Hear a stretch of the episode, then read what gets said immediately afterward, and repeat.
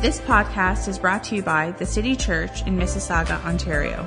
For more information, please visit thecitychurch.ca. We hope you are encouraged by this message from our lead pastor, Frank Coulter.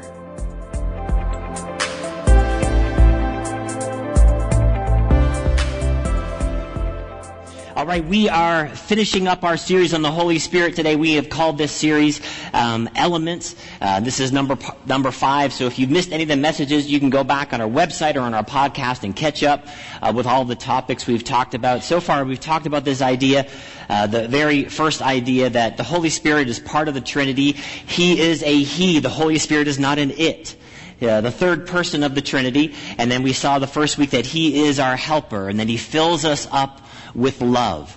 And uh, we've, we've wanted to emphasize that throughout this series, this idea when the Holy Spirit fills us up, He is filling us up with love. And then anything that we would do inspired by the Holy Spirit would be from this place of love. We talked about fire um, and what that represents in the scripture. Last week, and last week or two weeks ago, we talked about gifts, and then last week we talked about language that God wants to inspire our language. So we have these three metaphors. Um, RA stands for rain, FI stands for fire, WI stands for wind, and really, as we've talked about in this series, rain represents water. It represents filling. It represents baptizing. It represents pouring out. Uh, it represents speaking and serving. That the the Holy Spirit uh, this metaphor of water shows us all of these things in the scripture. Now, the Holy Spirit is not water, but the, the use of the analogy or the metaphor of water helps us to understand who the Holy Spirit is. And then we talked about fire, that fire purifies us, that it sanctifies us, that it sets us apart, that it makes us clean. The Holy Spirit is not fire but the person of the Holy Spirit as represented by fire helps us to understand a part of the characteristics of the Holy Spirit. And then today we're going to talk about wind. Now the Holy Spirit is not wind, but this metaphor of wind helps us to understand a part of the character of the Spirit of God. Now, um, wind means breath. It means um, the, the, word in the New Testament, breath, wind, spirit, are all the same word, pneuma, the same Greek word, and they're used different places in the New Testament based on the context. And the idea of breath means to lead, that He would guide us, that He would be teaching us, that He would be teaching us, guiding us by His Spirit. Hopefully when you go to church, whether it's this church or other churches you've been to, or you hear a message online, um, when, when we're listening to the Word of God being taught and we have those moments where we're like, oh man, I see something or I see that or that really helped me. Um, that's the Holy Spirit taking His Word and teaching us something and then the Holy Spirit also guides us. Now how many of you like guidance? Does anybody like guidance? Everybody like guidance?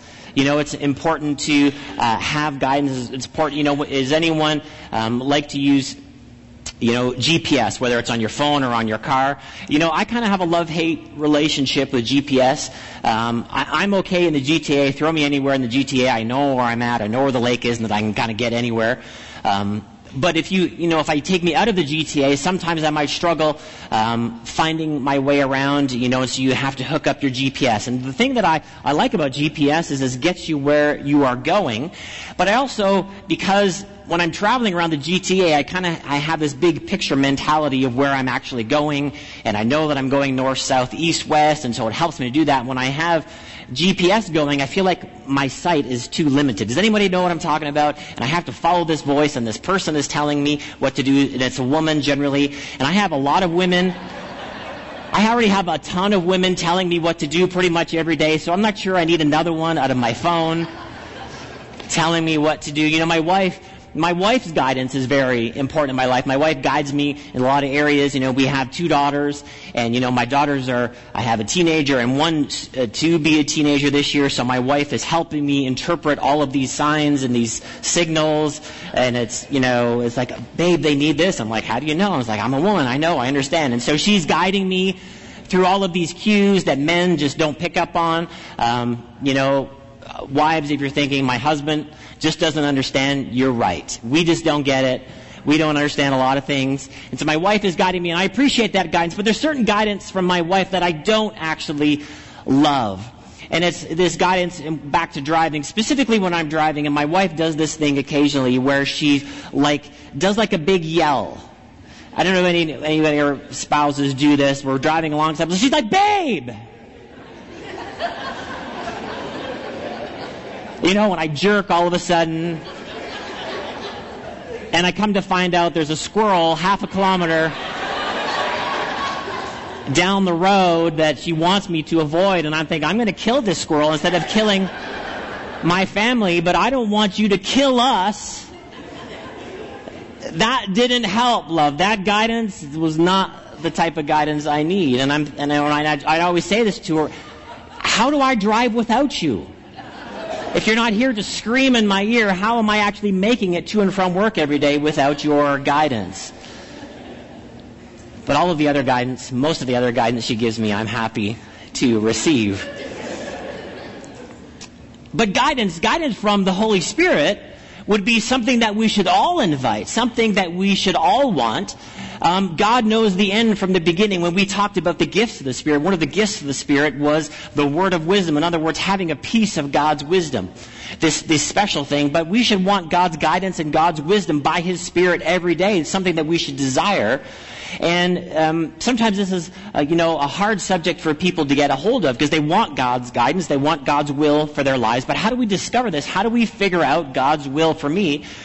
Specific to my life, specific to choices that I would make because I have God's will in the scripture about certain areas, about family, about finances, about how to live, how to act, all these different things, about salvation, about grace. We have very specific understanding for the scripture.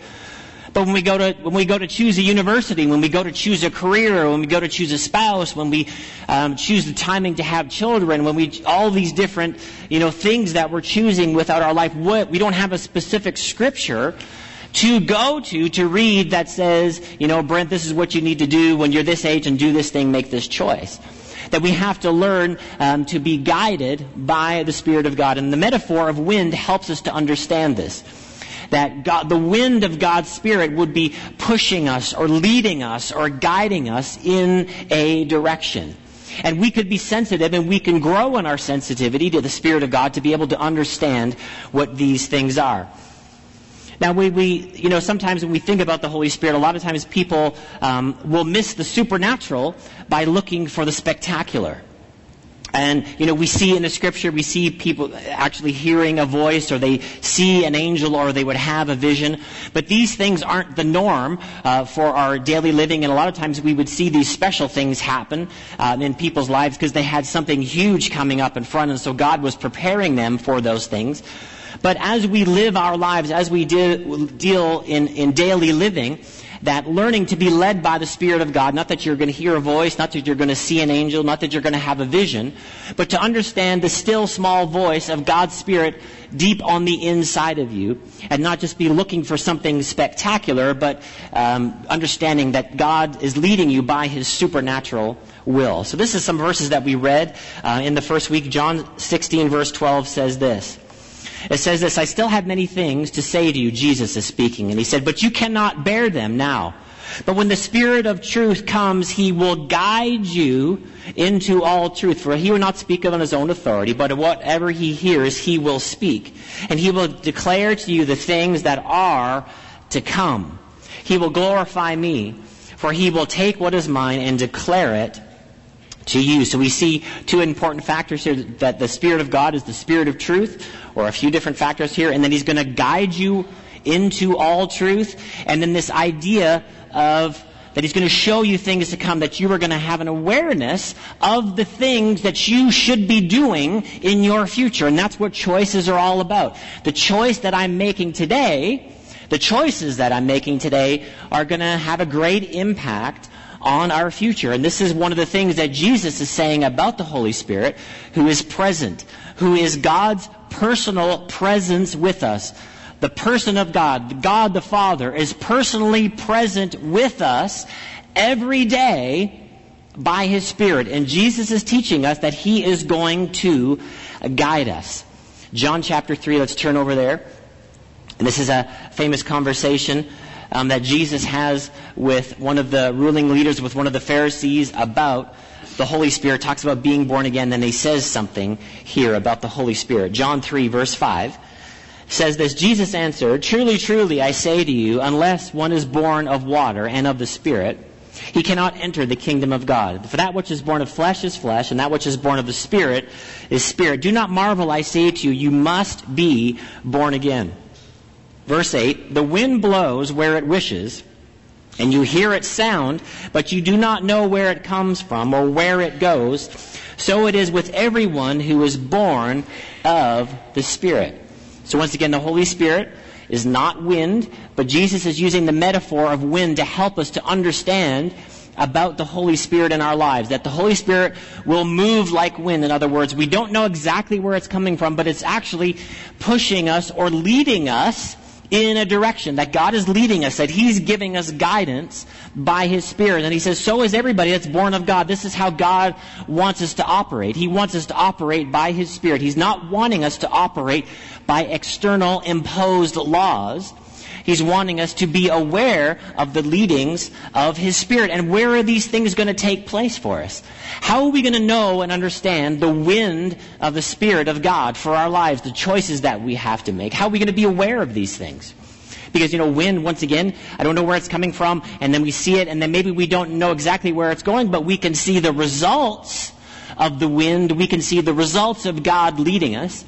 And I would always say this, sometimes the, the leadings that we have are sometimes just very subtle. They're just very subtle choices. They're very subtle impressions of the Spirit uh, that we should do this. And then sometimes we make a small little choice and it ends up with this tremendous success. And we shouldn't be thinking we're so great in those moments, but that God has the ability by His Spirit to lead us and guide us. Romans chapter 8, verse 12 says this So then, brothers, we are debtors not to the flesh to live according to the flesh. For if you live according to the flesh, you will die. But if you live by the Spirit, you will put the deeds of the, to death, the deeds of the body, you will live. For all who are led by the Spirit of God are the sons of God. The same thing we just read there in in John chapter 3, talking about being born again, being born into God's family, being his son or daughter. And then those of us that are his children, what are we going to do for all who are led by the Spirit of God? They are the sons of God. For you did not receive the spirit of slavery to fall back into fear. But if you, you have received the spirit of adoption as sons, by whom we cry, Abba, Father. The Spirit Himself bears witness with our spirit that we are the children of God. Proverbs chapter 3 verse 5 says this, Trust in the Lord with all your heart. Do not lean on your own understanding. In all your ways acknowledge him, and he will make straight your paths. Talk about being born into God's family. And then, hey, those of us that are God's sons and daughters, that God wants to lead us by His Spirit. He doesn't want to lead us by fear. We're not going back into slavery and just being afraid of everything. That we can actually have confidence in life because we are God's child. That I can have confidence in the decisions that I make because I have this close relationship with God. It uses this phrase, Abba Father. Now that word Abba is an Aramaic word. Um, Aramaic was the language that Jesus would have spoken, but this word basically just means the casual word for father, which would be for us in our in our language, daddy. In other words, I have this close relationship with you. Father might seem a little bit distant, might seem a little bit formal. Abba is sort of the, the informal way to say father. And this is how God wants us to think as it relates to God our Father, that we wouldn't be afraid, that we're not going back into the slavery of fear as it relates to our lives, but that I can actually be led by my Father God. Now, for those of you out there who are fathers, and especially those of you who are good fathers, you know who you are.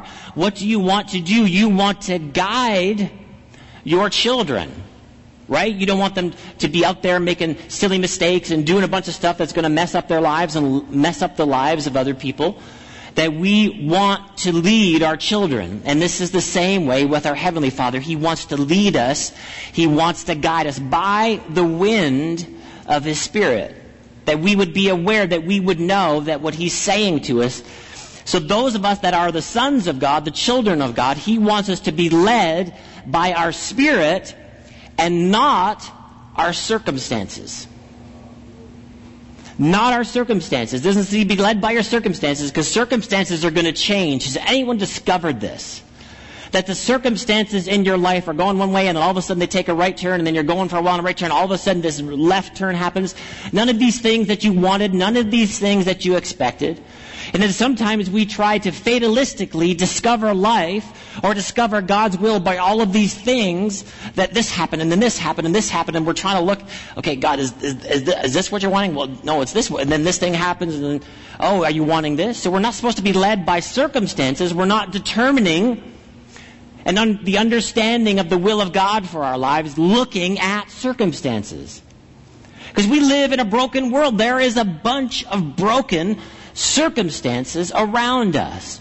So we don't look at broken circumstances and try to extrapolate out God's will that we are supposed to be led by our spirits. Not just something that would happen around us, but something that's happening in us. Something that's happening on the inside of us by His Spirit, that we are going to be led, we are going to be directed, we are going to be guided by the Spirit of God. See, in God's presence, you know, there's truth, there's wisdom, there's conviction, there's comfort, there's freedom, there's righteousness, there's power, there's also direction and guidance. Something on the inside.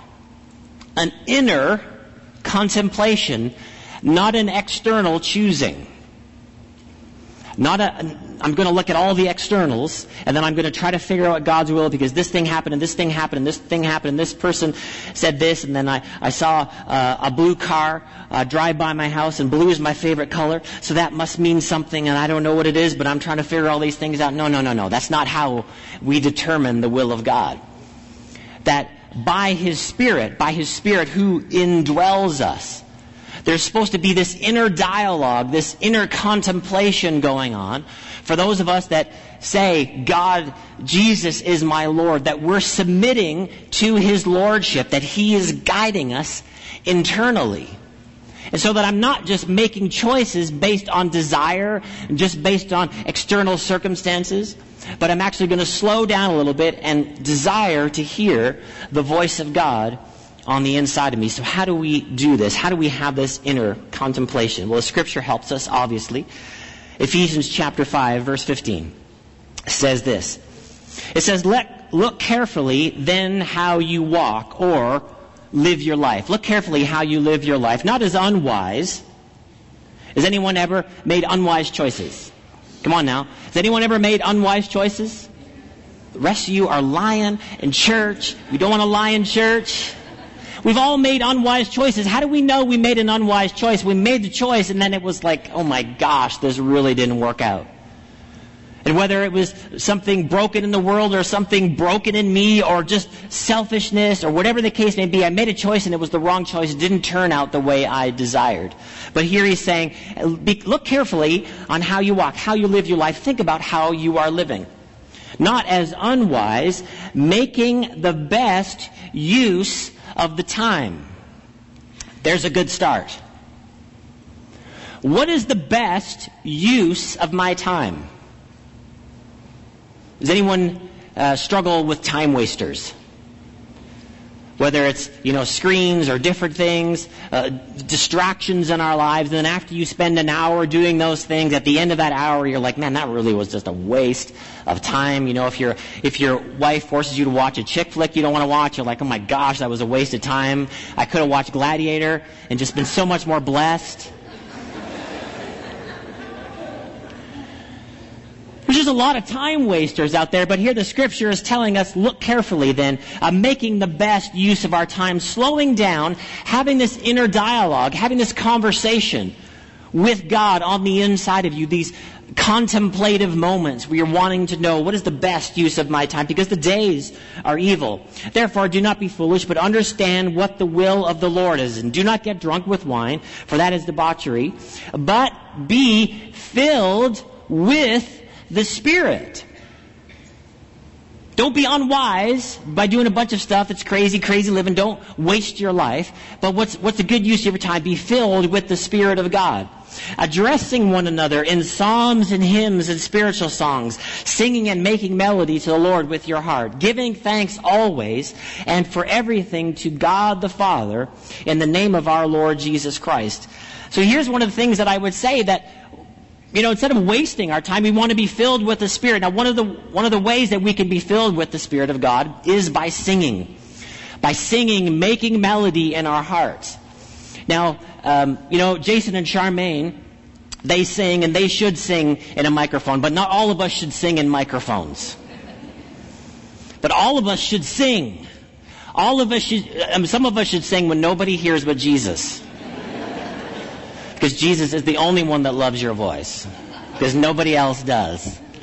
But we all should be singing. We should all be singing to God. And so here's one of the ways that we can open ourselves up to God's direction just by singing, making a melody to the Lord, filling ourselves up with the Holy Spirit, just singing to God, spending time worshiping God. And that's, that's one of the ways that we wouldn't be unwise. And here's a, a, a key there that we're just not rushing into decisions. Slow down. Ask God. Contemplate. Think. Don't just rush. Because somebody says, you have to get it today, and if you don't get it today, it's going to be gone tomorrow, and this is the last one I have, and you got to get it today. You got to buy it today. You got, it's a great deal, and the day, this deal is today only. You're thinking, today only is 40% off. Oh my gosh. And then I get another email. Next week it was 50% off. They lied to me. We could feel pressure a lot of ways to make a lot of decisions, but we need to slow down, contemplate, acknowledge God in all of our ways, wanting God to lead us and guide us. So we're not letting circumstances guide us. We're not letting difficulty guiding us, but we're allowing God's Spirit to guide us. And this is one of the ways, too, within the context of relationships. We've talked and focused on love, this idea of love, that when we're filled up with the Spirit of God, we will be living and acting in love. And this is, this will help us in our relationships. Because in relationships, how many of you know it's easy to act quickly and overreact and get angry and to say something? And then you have to try to pull it back and you have to, oh, I wish I didn't say that. And this will help us not to get into trouble in our relationships if we just slow down, if we just contemplate. Am I living out the ethic of love in the context of my relationship, or am I just acting? Am I just talking? Am I just telling it like it is? I just got to say it. I just got to get this off my chest, and I got to say this, and I got to do this. And then real, we realize after the fact that that's just kind of unwise living, just saying all these things. Slow down, contemplate. Let's live by love. But what is some of the practicality of being led by the Spirit of God? How can I know for me what the will of God is? Let's turn to Proverbs chapter 16. Proverbs chapter 16. Now, all of us have to make decisions. All of us have things that we need to do and choices that we have to make. And I remember one of my Bible school instructors said this. He says, It's much easier to steer a moving car than one that is sitting still. And that's what we do a lot of times. You know, we're, we're sitting in the car of our life, so to speak, as a metaphor, and we're looking at all of our choices and we're turning the wheel back and forth. Well, maybe I could do this, and maybe I could do this, and maybe I could have this career. Or maybe I could go to this school, or maybe I could date that girl, or maybe I could date that guy, or maybe I could date that guy, and we're just moving around and with the steering wheel back and forth. And we never really move in any direction. We're just kind of looking around at all of the options.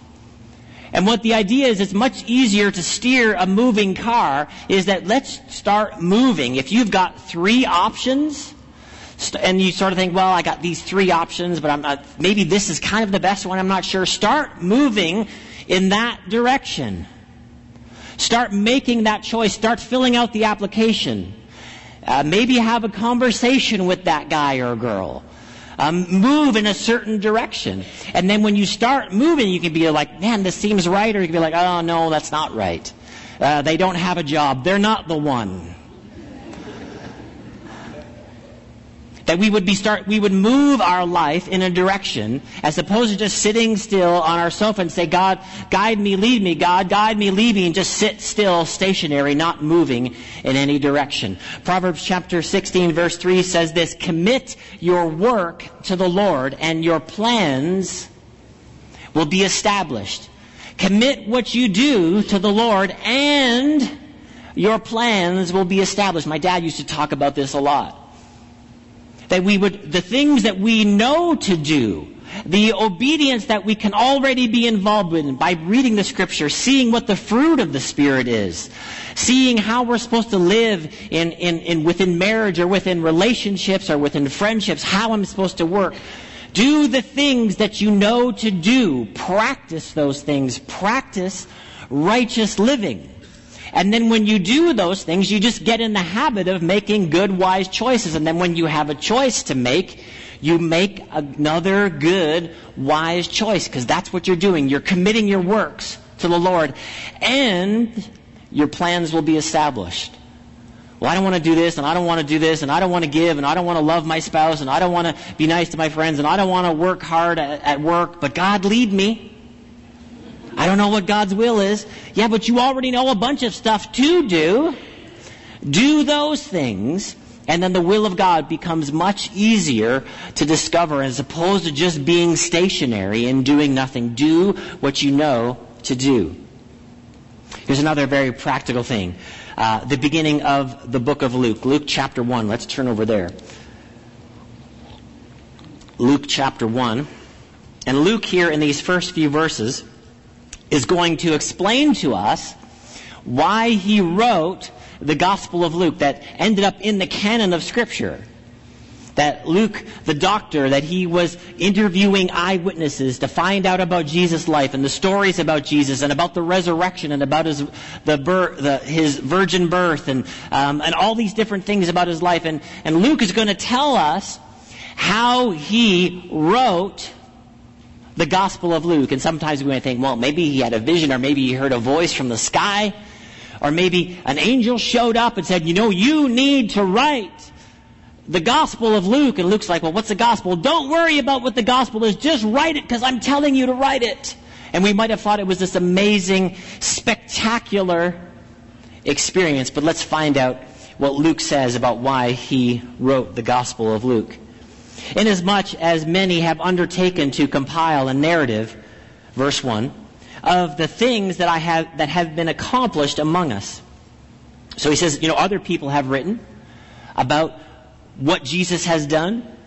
Verse 2, just as those who from the beginning were eyewitnesses and ministers of the word have delivered them to us. Verse 3, it seemed good to me also, having followed all these things closely from some time past, to write an orderly account for you, most excellent Theophilus, which means lover of God, that you may certainly, that you might have certainty concerning the things you have been taught. So why did he write the Gospel of Luke, verse 3? It seemed good to me also. That's it. No vision, no angel, no voice from heaven.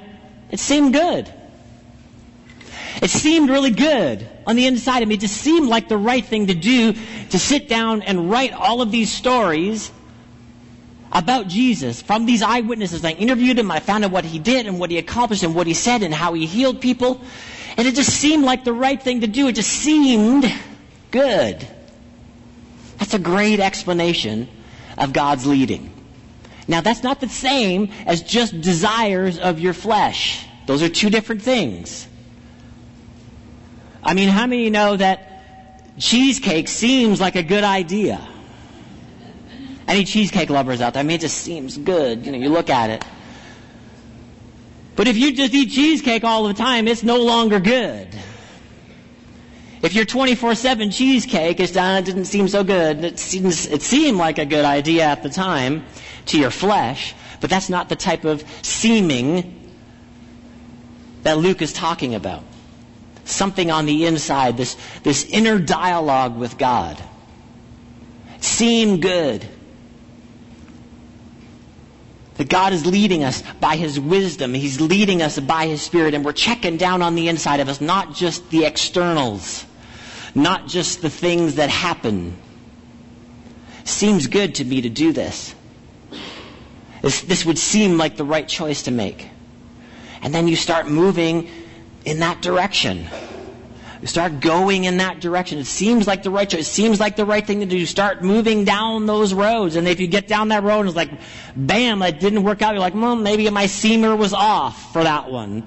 Well, what's my, what's my, and then you just gotta keep moving. You just gotta keep doing things because otherwise you just get frozen. You just get fearful. Because we've all made bad choices. We've all done things wrong. But what did he say? We haven't received the Spirit. Again, to slavery, the Spirit of fear. We shouldn't be living our lives in fear because if we live our lives in fear, we will never do anything. We'll come up with every reason, every excuse, every rationalization, and we'll just stop because why? We're afraid. God doesn't want us to live afraid. He wants us to live led by His Spirit. We're almost done this morning here. Luke chapter 4.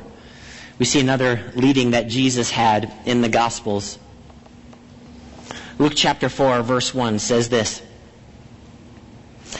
And Jesus, full of the Holy Spirit, returned from the Jordan and was led by the Spirit in the wilderness, forty days being tempted by the devil, and he ate nothing during those days, and when they were ended, he was hungry full of the Holy Spirit. He had been baptized in the River Jordan. And then it says, and then the Holy Spirit led him into the desert. And then what ended up happening in the desert? That the devil, you know, had these, came to him with these three great temptations, a famous story, and he resisted all of the temptations. He overcame the enemy. But why would the Spirit of God lead Jesus into the desert place? This place where he was going to have to, you know, overcome temptation. And I was thinking about this as I was preparing this message. That where is it, where are the places that God is leading us? Is God leading us to all of the easy places? Or is God leading us to places and situations where we can actually make a difference and bring good and bring his kingdom. Because in one sense, all of life is a desert place. Because there is going to be every day, as I'm sure you've noticed, there's always temptation. Whatever the temptation that you feel the most, whether it's physical, uh, whether it's mental, emotional, all these different things that we face in our lives, every day is a desert place. And everything that God leads us to do isn't necessarily easy. Is it? Is any, has anyone been led to do uh, something by God that's a little bit difficult, that's a little bit hard? Well, you know, someone says, well, I'll do it if it's easy. If it's easy, I'll do it. Is anything in life that's significant actually easy to do?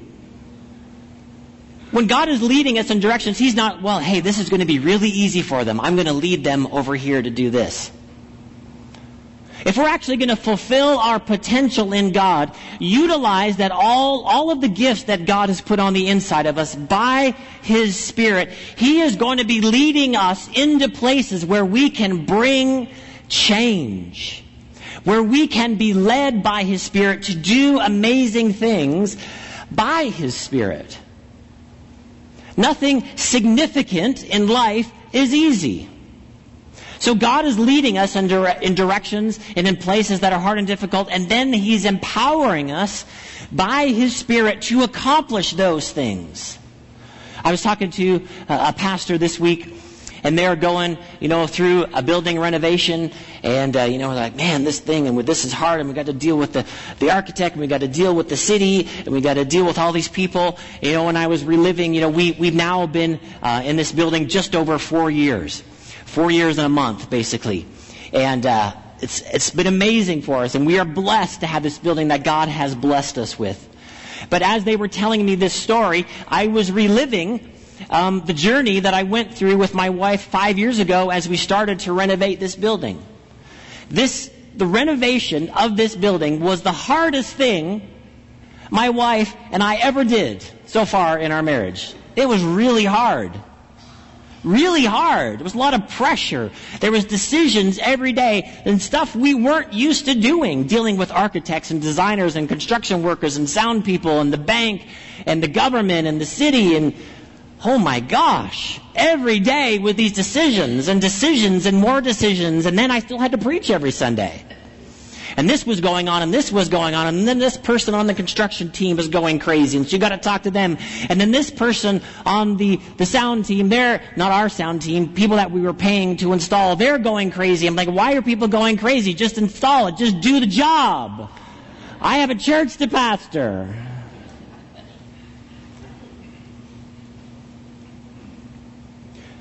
But it was significant, but it wasn't easy. So don't necessarily be thinking, oh, that's hard. God certainly couldn't be leading me in that direction. Yeah, He will. Why? Because He wants to empower you by His Spirit to bring His love, to make a difference. God, when He called Abraham, He sent him into a certain place. He sent him to a place, there was no family members there. He said, I want you to leave your family and I want you to go to this place. I want you to do this thing. And he had never, he had never had a child. He was like, I want you to be a father of many nations. I've never even been a dad yet. God, how am I going to, how am I going to be a father of many nations, of a multitude? How am I going to do this thing that you're asking of me to do because my wife can't even have children? How am I going to do it? I'm leading you there, but I'm also going to empower you to do the job, make a difference, bring God's love, bring His kingdom to wherever you are. And that's the way we need to think about following Jesus. It's not just always easy and light and comfortable. That He's challenging us.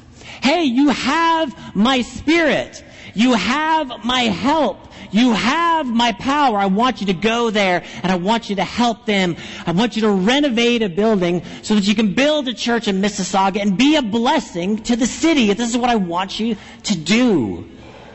But God, it, it looks like a desert place. It looks like it's really hard. Yeah, I want you to go and make a difference.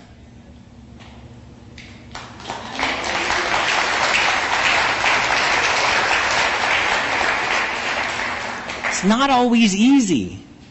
The things that God is leading us to do are not always the easiest things, but the best part is, He doesn't leave you alone in the desert place.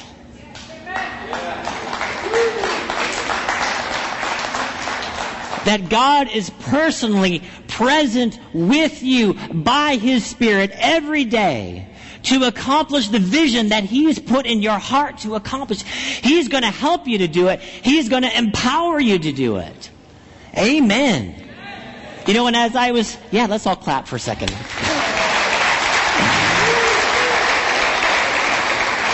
And, and, I was, as I was talking to this pastor, you know, I, you know, when, when somebody's going through uh, something that you've been through, you know, it, I, and I'm struggling with this lately, thinking about, what, you know, just to say, I know what you're going through. You know, really, it doesn't really help anybody. Has anyone discovered this? I'm thinking these words are so weak.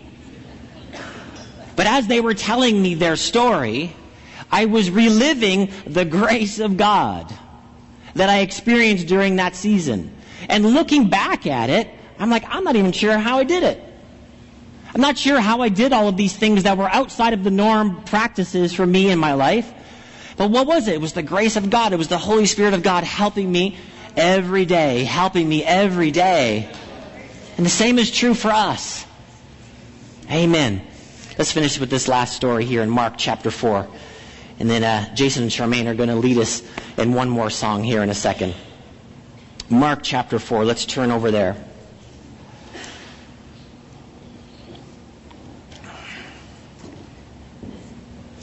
Mark chapter 4. Verse 35 says this On that day, when evening had come, he said to them, Let us go across to the other side. And leaving the crowd, they took him with them in the boat, just as he was. And other boats were with them. Verse 37 And a great windstorm arose, and the waves were breaking into the boat so that the boat was already filling. But he was in the stern, asleep on the cushion. And they woke him and said, Teacher, don't you care that we are perishing? And he, he awoke and he rebuked the wind and said to the sea, Peace, be still. And the wind ceased, and there was a great calm. And he said to them, Why are you so afraid? Have you still no faith? And they were filled with great fear and said to one another, Who then is this that even and the wind and the sea obey him? So here's something different that I want to talk to you about as we finish this message, as we finish this series. Jesus is there with his disciples, and he says to them as they get out in this boat, he's like, I want you to go to the other side. And all of us are on a journey of life. All of us are moving from here to there, whether it's career, family, as we grow, our kids are changing, whether we're single, there's always stuff and changes going on. And here in the middle of this direction from God, this direction from Jesus, I want you to go to the other side. I want you, Jesus would say, as our Lord and Savior, I want you to live a life honoring me. I'm going to be with you all of the time. I'm going to be present with you by my Spirit. But hey, I, I want you to go to the other side. So you're moving in a direction, you're doing what you, the you, you think the Lord has directed you to do. And here's a different type of thing that would come up. Not just a challenge that God is, is bringing for you to bring change to, but here is something coming from the enemy. A storm coming from the enemy, something difficult that blows you off direction. That blows you in a place that you never wanted to be. Does anybody know what I'm talking about? Has anyone had any of these? where it's just like, oh my gosh, we're going, and it seemed like it was a, it seemed like it was a sunny day, and all of a sudden this thing blew up. In the middle of my face, in the middle of my family, in the middle of my situation. But Jesus, I said, hey, you know, I want you to go to the other side, and He is there in the boat with us. The scripture says that He never leaves us or forsakes us. And here, this wind, a different type of wind, not the wind of the Holy Spirit, but a wind, a storm of life comes at us. But then the wind of the Holy Spirit comes in the middle of that situation. And Jesus speaks up in the middle of that situation, in the middle of that storm, in the middle of that circumstance. And what does he say? He says, Peace, be still. Scripture talks about that the Holy Spirit is the Spirit of peace. Sometimes we're in that storm and in the middle of that difficulty, but God is still with us. God is still in our boat, and He is still speaking peace to our situations. And we can get to the other side that the wind of God's Spirit is guiding you. He's blowing on you. He's moving you through that storm. He's not intending for you to stay in this storm forever. He is moving you by His Spirit. The wind of His Spirit is blowing at your back. My wife and I had an opportunity a couple years ago to to go to Seattle. And we were um, going across the ferry there that leaves from Seattle, going across the Puget Sound. And this, this, this huge ferry boat, you could drive hundreds of cars in this big ferry boat, and then you could go out on the front of the ferry. And, you know, as they were crossing there, and it was so windy this day, literally, you could, I could lean completely forward, and I wouldn't fall. I mean, it was like I was in Michael Jackson's Smooth Criminal video. Anybody know what I'm talking about? I was like doing the full lean. but I didn't fall. And that's the way we need to think about the wind of the Holy Spirit. Those times in our life where we think we're falling and we just, it's just, it's just, we're going to keep falling. But the wind of the Spirit of God is going to uphold us. And He is going to keep blowing on us by His Spirit. He is going to push us through the storm and He's going to speak to our lives. Peace, be still. Because God is personally present by His Spirit with you all of the time, leading you and guiding you, helping you make choices, leading you, guiding you into places where He wants you to make a difference. And then He's leading you and He's guiding you out of the storm. Let's just pray this morning. Heavenly Father, we just love you today. Thanks for listening. If you need prayer or would like to share how this message has impacted you, please email info at thecitychurch.ca.